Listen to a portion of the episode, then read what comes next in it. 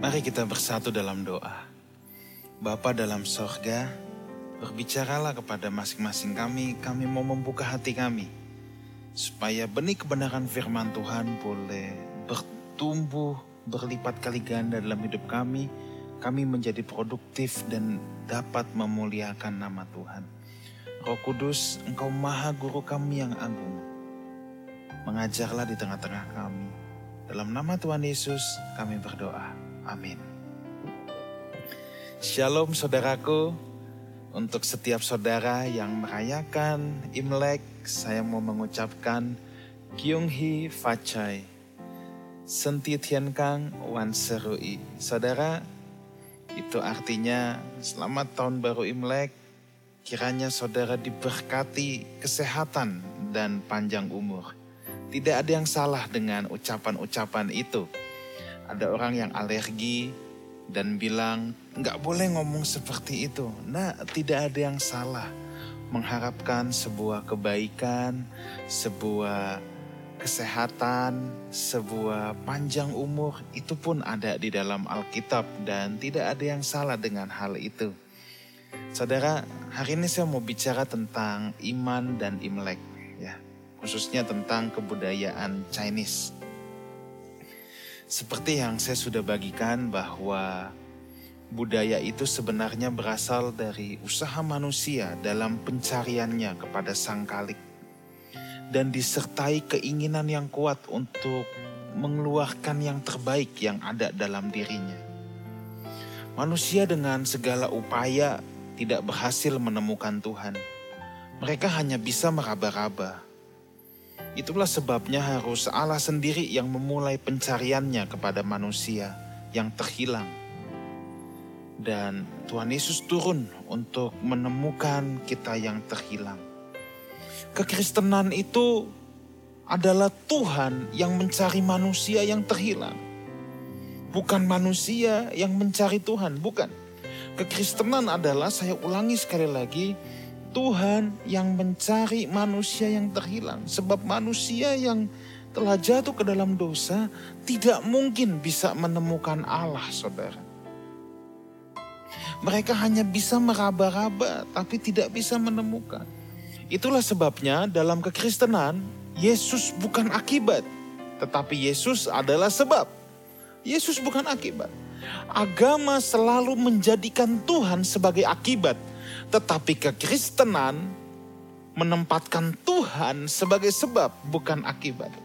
Agama selalu mencoba melalui ritual untuk menyenangkan Tuhan. Melakukan hukum untuk menyenangkan Tuhan. Inilah yang disebut dengan agamawi. Kalau aku ibadah, aku kebaktian, Tuhan disenangkan. Kalau aku kasih kolekte, Tuhan disenangkan. Tuhan selalu diidentikan dengan ritual-ritual, saudara. Ya. Tetapi Roma 12 ayat yang pertama kita baca dulu. Karena itu saudara-saudara, demi kemurahan Allah aku menasihatkan kamu supaya kamu mempersembahkan tubuhmu sebagai persembahan yang hidup, yang kudus dan yang berkenan kepada Allah. Itu adalah ibadahmu yang sejati. Gak salah ibadah, Nggak salah kasih kolekte, tapi kalau kita pikir tindakan itu yang menyenangkan Tuhan, itu salah. Sebab yang Tuhan senangkan adalah melalui hidup kita. Kalau kita bisa menjadi persembahan yang hidup dan kudus. Ibadah, kolekte, kegiatan sakramen apa pun itu hanyalah bentuk ucapan syukur dan itu bukan menjadi sentral untuk menyenangkan Tuhan. Orang Farisi dan ahli Taurat dari dulu melakukan, berusaha melakukan hukum tertulis dan dimaknai sendiri. Tapi mereka nggak pernah bisa ngerti nafas daripada hukum itu sendiri. Oke, saya mau kembali dulu kepada kebudayaan, khususnya Chinese. Saya mau menunjukkan beberapa hal yang menarik, saudara ya. Saya bukan orang yang fasih terhadap bahasa Mandarin, Bahkan saya tidak bisa ngomong Mandarin saudara ya. Jadi kalau logatnya salah-salah juga ya mohon dimaafkan. Sebab kan katanya Mandarin itu punya empat nada ya. Ma bisa mama, ma bisa kuda. Kalau salah manggil saudara bisa bisa kena gaplok kita ya. Panggil mama jadi panggil kuda katanya gitu ya. Ya jadi mohon maaf dulu ya saudara ya. Kalau aksen-aksen saya ada yang salah. Saudara kebudayaan tidak bisa dilepaskan dari cara penyembahan. Dalam konteks kebudayaan Chinese pun kita bisa melihat campur tangan Tuhan di sana. Coba, saudara perhatikan di layar kaca saudara ya. Yang pertama-tama ini bacanya cuan. Cuan, bukan cuan, bukan cuan untung, cuan ya, kata cuan. Ya, kalau nada salah-salah dikit mohon dimaafkan. Itu artinya bot perahu Saudara kalau ngeliat huruf Chinese itu kan bukan alfabet kita saudara ya. Dia itu sebenarnya dari gambar saudara. Dari gambar yang kemudian jadi tulisan. Nah kalau saudara lihat huruf perahu ini, huruf perahu ini terdiri dari tiga elemen saudara. Ya, dari tiga huruf. Yang pertama vessel, perahu itu sendiri Terus ada delapan orang itu kalau saudara lihat. Coba, kok bisa huruf Mandarin perahu itu ada kapal, ada delapan orang. Kok bisa delapan? Kenapa nggak sembilan? Kenapa nggak dua? Kenapa delapan? Ya ini kan kalau kita lihat Alkitab, ketika air bah datang, itu hanya Nuh, istrinya, ketiga anaknya, dan mantunya, delapan. Nah, mungkin saudara bilang, ah kebetulan. Oke, oke, kita lihat lagi ya. Next slide. Ini fu, kebahagiaan atau keberuntungan. Ya, Dulu saya ingat ada dewa Fu Lu gitu ya. Kalau di rumah nenek saya itu ada patungnya. Itu kata dewa hoki Fu itu kebahagiaan, keberuntungan. Kalau saudara lihat ya, eh, bagaimana penulisan ini, ini kan gambar ya. Itu kalau saudara lihat di slide di bagian bawah. Itu ada kata Tuhan, ada kata satu, ada kata mulut atau orang, sama taman. Tuh Aneh nggak coba? Apa hubungannya saudara ya? Dalam aksara fu yang berarti kebahagiaan kalau saudara lihat atau keberuntungan jelas terlihat rencana Tuhan di taman yang subur itu bahwa manusia dan Tuhan harus punya hubungan yang indah baru bisa berbahagia. Ya taman apa saudara kalau bukan taman Eden? Nih, ini hanya beberapa contoh ya, tentunya masih banyak lagi. Tapi ini yang menarik saya mau kasih lihat beberapa. Ada kun, kun itu disusahkan atau dirundung kesulitan. Nah itu kalau saudara lihat ini lebih lucu lagi saudara. Kenapa kata kesusahan itu terdiri dari, itu kalau saudara lihat ya, itu batas dan pohon. Makin aneh gak saudara? Ini kan cocok semua dengan kisah di Taman Eden. Sebab Alkitab memberitahu kita bahwa manusia memang memilih untuk tidak taat, saudara. Mereka dikasih batasan. Nggak boleh makan pohon pengetahuan yang baik dan yang jahat, tapi dilanggar. Sejak itulah manusia mengalami kesusahan. Mengalami kutuk Taman Eden yang saudara bisa lihat. Mencari nafkah harus bersusah payah Nah kok bisa ya kata-kata kun itu berhubungan saudara. Nah coba kita lihat lagi. Ini lebih lucu lagi saudara ya. Jin melarang, melarang nih misalnya. Coba lihat. Itu terdiri dari dua kata. Yang di atas tuh pepohonan atau hutan. Jadi pohonnya ada dua tuh lihat. ya. Lalu ada tanda suci. Jadilah itu jin melarang. Ayo, kita mau bilang ini kebetulan lagi saya juga tidak ngerti deh. Tapi memang begini, nanti saya jelaskan. Kok bisa ya nyambung gitu? Yuk kita lihat lagi. Nah ini seru nih, saudara. kata yang di sebelah kiri dulu ya. Lie, lihat, lie. Saudara lihat nggak kata lie? Come, datang. Itu gambar salib dan ada dua orang di kanan kirinya. Itu kan kan tuh, ya. Ya ada salib, ada dua orang di kanan kirinya, datang. Tempter, penggoda. Wah ini lebih ribet lagi, saudara lihat bawahnya aja tuh. Ini kan kalau saudara lihat aksara ini kan, wah kok ribet ya. Coba kalau dibedah. Itu ada secret, ada orang, ada kehidupan, ada taman, itu membentuk kata setan. Ya, nah kalau kata mo itu penggoda itu kata setan, ditambahin ada hutan, ada pohon-pohon, ada covernya, ada penutupnya, ada batasannya. Jadi tempter. Jadi nih kok cocok ya sama kitab kejadian ya. Nah teks selanjutnya. Nah ini lay yang tadi saya bilang. Salib orang pohon. Ada dua orang yang di samping kiri kanan Tuhan Yesus. Nah ini kata yi, kebenaran. Ini lebih kagum lagi saya. Kok bisa dapat idenya begini? Yi, kebenaran. Ya, itu itu yi itu adalah gabungan ya kata domba dan saya. Jadi kata yi kebenaran itu atasnya tuh domba, bawahnya tuh wo saya. Jadi orang itu kalau mau benar harus anak domba yang memerintah di atas dirinya. Tuh coba saudara. Hebat loh saudara ya. Ini kita seperti menemukan Tuhan dalam kebudayaan Chinese sekalipun. Dan saya percaya bahwa yang saya dari minggu lalu sudah katakan bahwa bahwa kebudayaan itu memang memang manusia mencari Allah, pribadi sang kalik.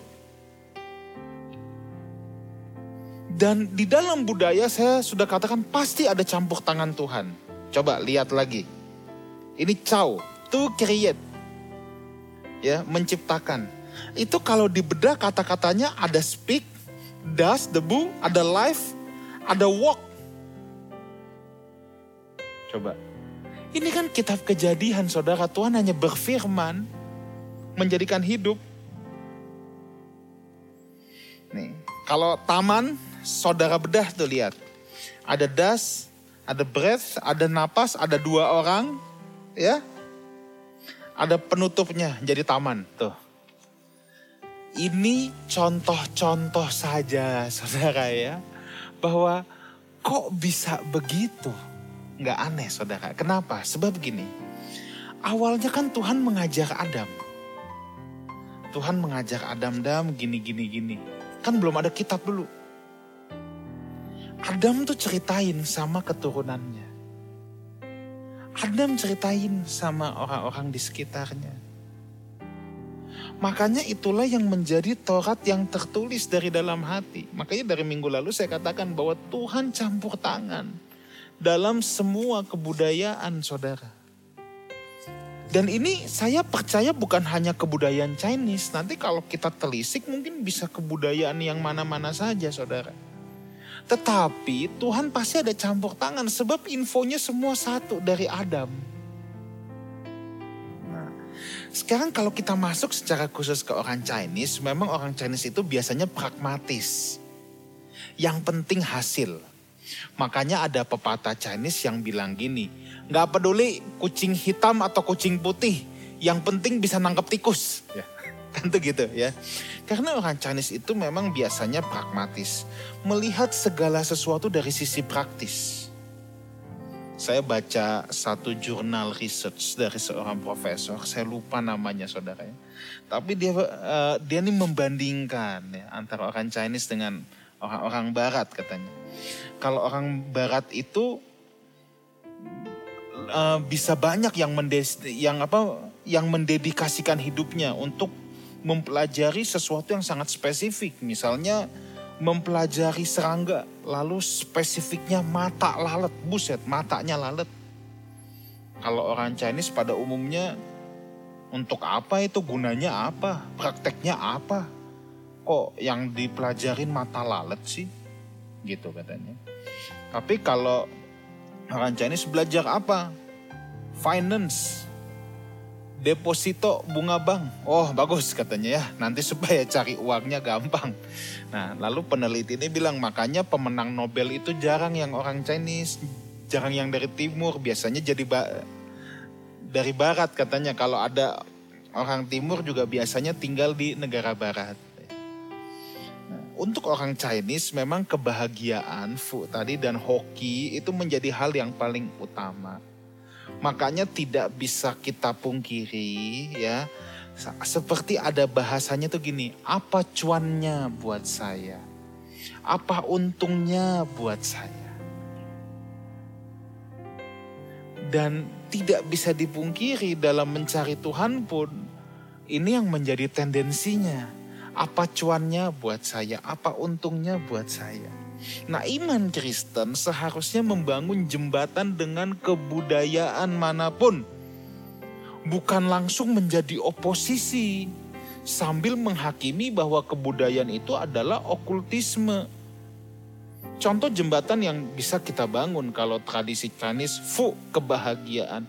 Alkitab juga mementingkan kebahagiaan loh. Ada begitu banyak kata shalom dalam perjanjian lama dalam perjanjian baru pun damai sejahtera. Itu kan selalu Paulus tuliskan dalam penutup suratnya. Kebahagiaan itu juga dipentingkan dalam Alkitab. Nah, itu kan jembatannya. Dan kita bisa mulai memberikan muatan bahwa kebahagiaan yang terbesar hanya ada di dalam Tuhan. Orang dapat uang senangnya berapa lama? Dapat mobil baru senangnya berapa lama? Dapat handphone baru senangnya berapa lama? Enggak dua bulan juga udah biasa aja. Tapi kebahagiaan sejati hanya bisa kita temukan dalam Tuhan. Nah ini adalah contoh kita membangun jembatan. Jangan langsung fu kebahagiaan misalnya. Orang Chinese mementingkan kebahagiaan. Memang duniawi itu. Loh jangan, justru kita harus membangun jembatan. Dan saya percaya dengan kebudayaan mana pun yang saya bagikan minggu lalu kita harus transform the culture. Kita justru harus menemukan jembatan-jembatannya. Nah sekarang kita masuk spesifik. Gimana dengan Imlek saudara ya? Saya harus jelas dulu Imlek itu perayaan agama atau perayaan budaya atau sekedar budaya Imlek, apakah Imlek itu cara penyembahan atau sekedar nilai-nilai budaya? Nah ini yang harus kita tahu dulu saudara. Nah Imlek dikenal juga sebagai Nungli. Ya, penanggalan petani di mana para petani menyambut musim semi. Ya, di Tiongkok itu kan ada empat musim saudara. Kalau kita cuma dua musim hujan dan kemarau. Kalau di sana ada empat musim. Jadi setelah musim dingin ya kebekuan, orang mau keluar rumah juga susah, sekarang disambutlah musim semi, ya. Ada kecairan lagi, orang bisa beraktivitas lagi secara etimologis. Im bulan lek kalender. Jadi penanggalan kalender Chinese yang menggunakan sistem lunar, peredaran bulan Makanya beda sama kita kalau kita penanggalan Masehi sistem solar, matahari patokannya. Kalau orang Chinese bulan patokannya, makanya disebut kalender lunar. Nah, jadi Imlek itu sebenarnya bukan perayaan agama, tapi murni adalah sebuah budaya, sebuah culture, nilai-nilai hidup saja. Nah, memang yang kita sudah sepakati bahwa di dalam budaya biasanya ada praktek agama. Itu memang iya. Dalam budaya memang ada cultnya, ada penyembahannya. Nah, perayaan Imlek merupakan perayaan kebudayaan dan adat istiadat yang lahir dari dunia pertanian dan mengandung suatu filosofi hidup yang syarat makna kita pun dapat juga menarik hikmat yang dilandasi oleh nilai-nilai iman Kristen dalam memaknai kehidupan ini. Jadi Imlek itu sebenarnya uh, kebudayaan dan adat istiadat yang lahir dari dunia pertanian yang tadi saya bilang dari musim dingin sekarang jadi musim semi. Adanya sebuah harapan yang baru gitu saudara ya, adanya sebuah harapan yang baru. Dari berakhirnya musim kebekuan dan masuk musim semi dengan sukacita dan pengharapan. Nah, sebenarnya ini ini saya hanya cerita saja saudara ya uh, masih ada sambungan teologisnya. Walaupun kita tidak bisa tahu persis apa pun ini, apakah ini yang dimaksud atau bukan. Tapi ada kemiripannya. Ya. Imlek ini kalau dalam tradisi Yahudi ini sejajar dengan atau mirip. Saya sorry saya tidak boleh bilang sejajar, tapi mirip dengan Paskah. Pasca itu kan juga merayakan pembebasan dari perbudakan. Kalau Imlek dari kebekuan kepada musim semi yang penuh sukacita dan pengharapan. Kalau bangsa Israel kan dulu dalam perbudakan. Dan sekarang ada pembebasan pasca. Nah maka kalau orang Imlek itu satu ada sukacita dan pengharapan. Nah terus miripnya ada apa lagi? Nah kalau saudara lihat, nah ini sudah masuk ke bagian cult nih, cara penyembahan. Orang Imlek, mereka mempercayai di malam itu nanti ada uh, dewa Nian atau monster Nian, sorry, monster Nian. Ya, itu monster jahat yang akan melewati rumah mereka. Maka mereka harus taruh kain merah di depan pintu rumah kalau taruh itu dilewati.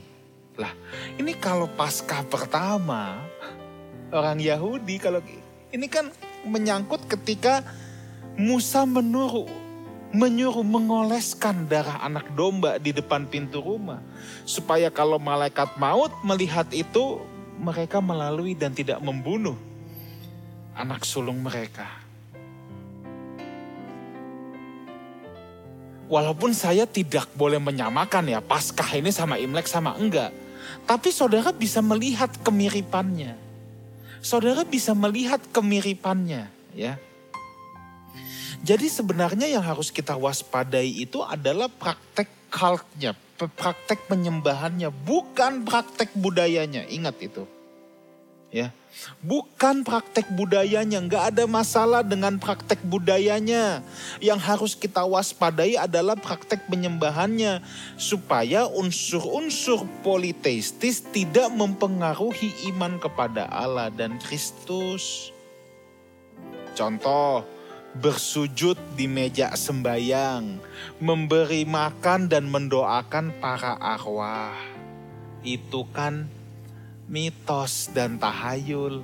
Itu kan cara penyembahan saudara boleh singkirkan. Kita nggak usah ikut saudara ya. Atau mitos dan tahayul juga kita nggak perlu ikuti. Nggak boleh nyapu.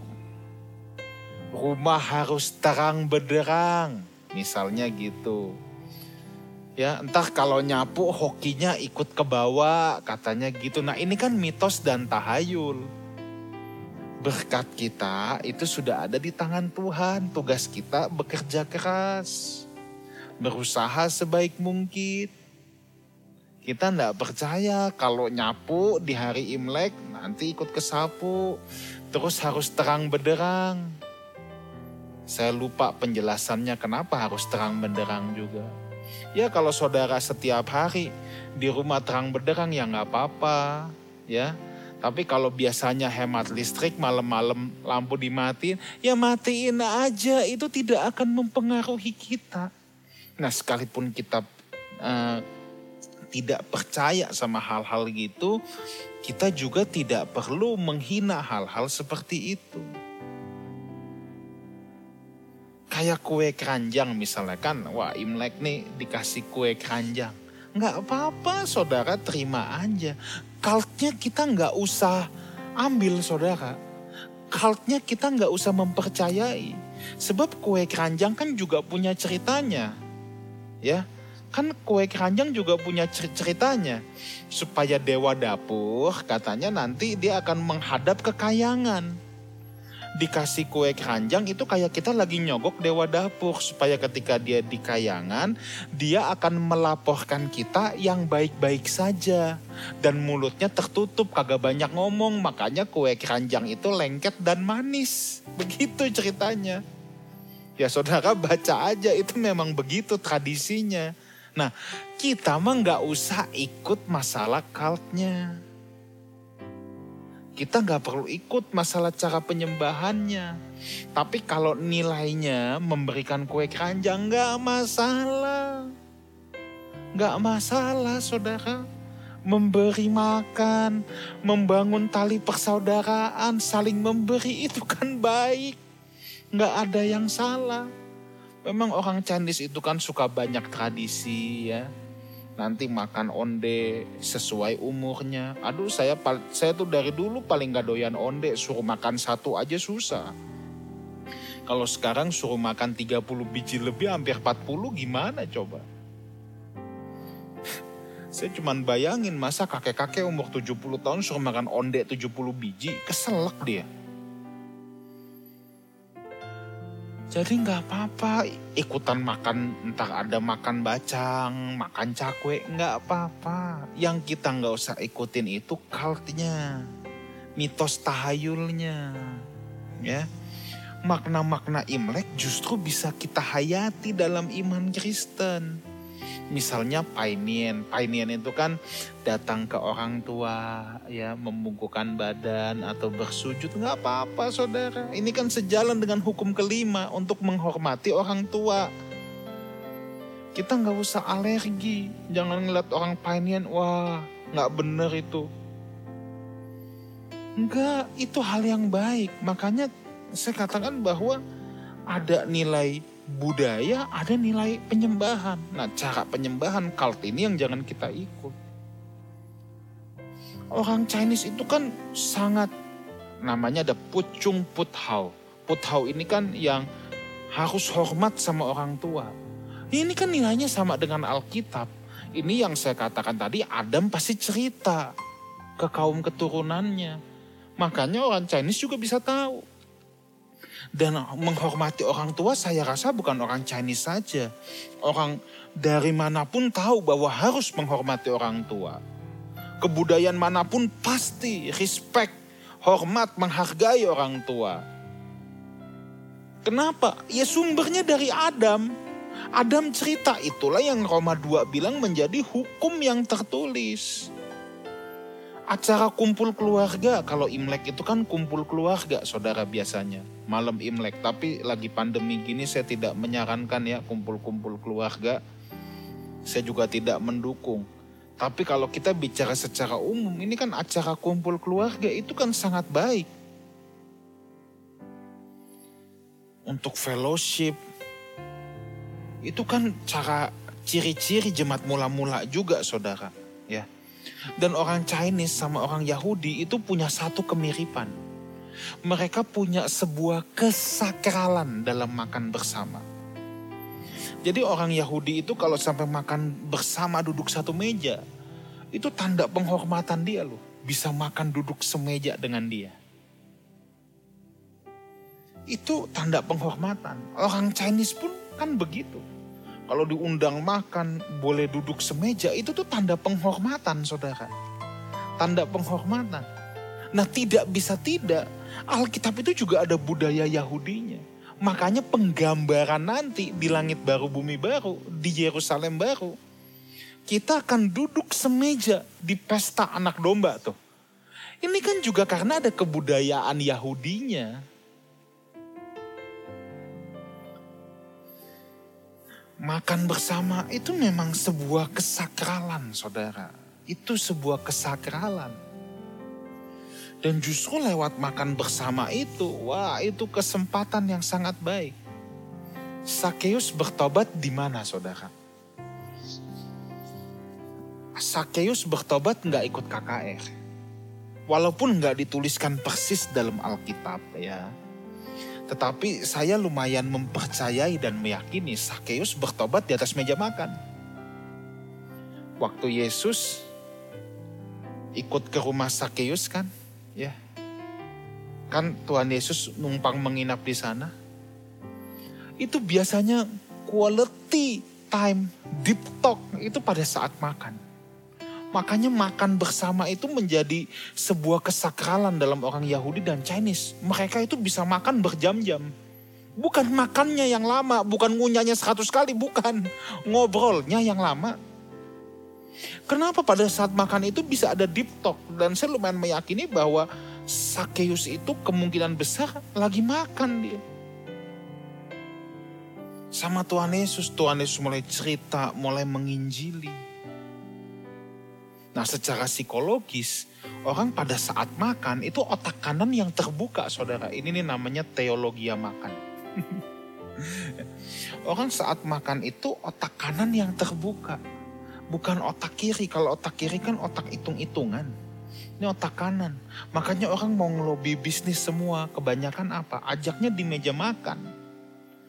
Sebab nanti kalau nggak di meja makan, yang main otak kiri terus, ngitung terus. Tapi kalau udah makan, waduh, kantong tengah terpenuhi bahagia, otak kiri tertutup, otak kanan yang terbuka. Makanya waktu acara Imlek ya kumpul, itu kesempatan terbaik buat kita bisa ngobrol tentang kebaikan Tuhan saudara. Makanya jemaat mula-mula setiap hari makan bersama, kumpul makan bersama. Karena pada saat mereka makan bersama itu, waduh, mereka bisa deep talk, bisa sharing yang sangat enak. Perjamuan terakhir Tuhan Yesus pun yang kita mengingatnya sebagai perjamuan kudus, saudara jangan membayangkan itu makannya seperti kita pakai hosti kecil, anggurnya sekap kecil enggak. Itu makan dan minum beneran. Makan nama the last supper itu memang proper makan malam. Kalau kayak kita itu itu sebenarnya bukan bukan meal. Itu snack. Tapi kalau perjamuan Tuhan itu memang meal. Bukan snacking bukan. Memang meal. Waktu jemaat mula-mula berkumpul itu meal. Itu fellowship. Memang makanan mereka adalah roti, gandum, dan minum anggur. Tapi bukan buat mabok-mabokan ya saudara tentunya. Jadi justru saat Imlek kita bisa melihat nilai-nilai yang baik harus kita embrace dan siapa pun boleh merayakan itu. Jadi kita nggak perlu alergi, merasa bersalah, Nilai-nilai seperti menghormati orang tua, kasih persaudaraan, fellowship. Itu nilai-nilai yang baik yang boleh kita junjung tinggi, boleh kita jalankan. Bahkan itu menjadi kesempatan untuk kita bisa cerita, bisa sharing, bisa menunjukkan kualitas hidup kita dari karya dan apa yang kita lakukan. Itulah saat yang terbaik untuk bisa menjadi garam dan terang untuk saudara-saudara kita.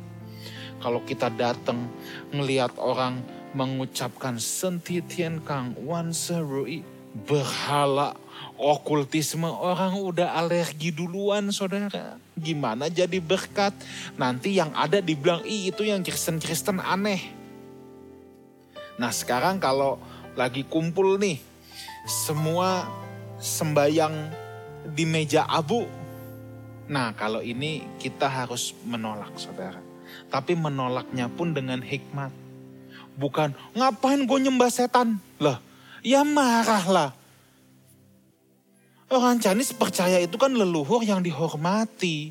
Kita tahu dia nggak ada di sana, tapi kita juga nggak usah setan-setanin. Jangan.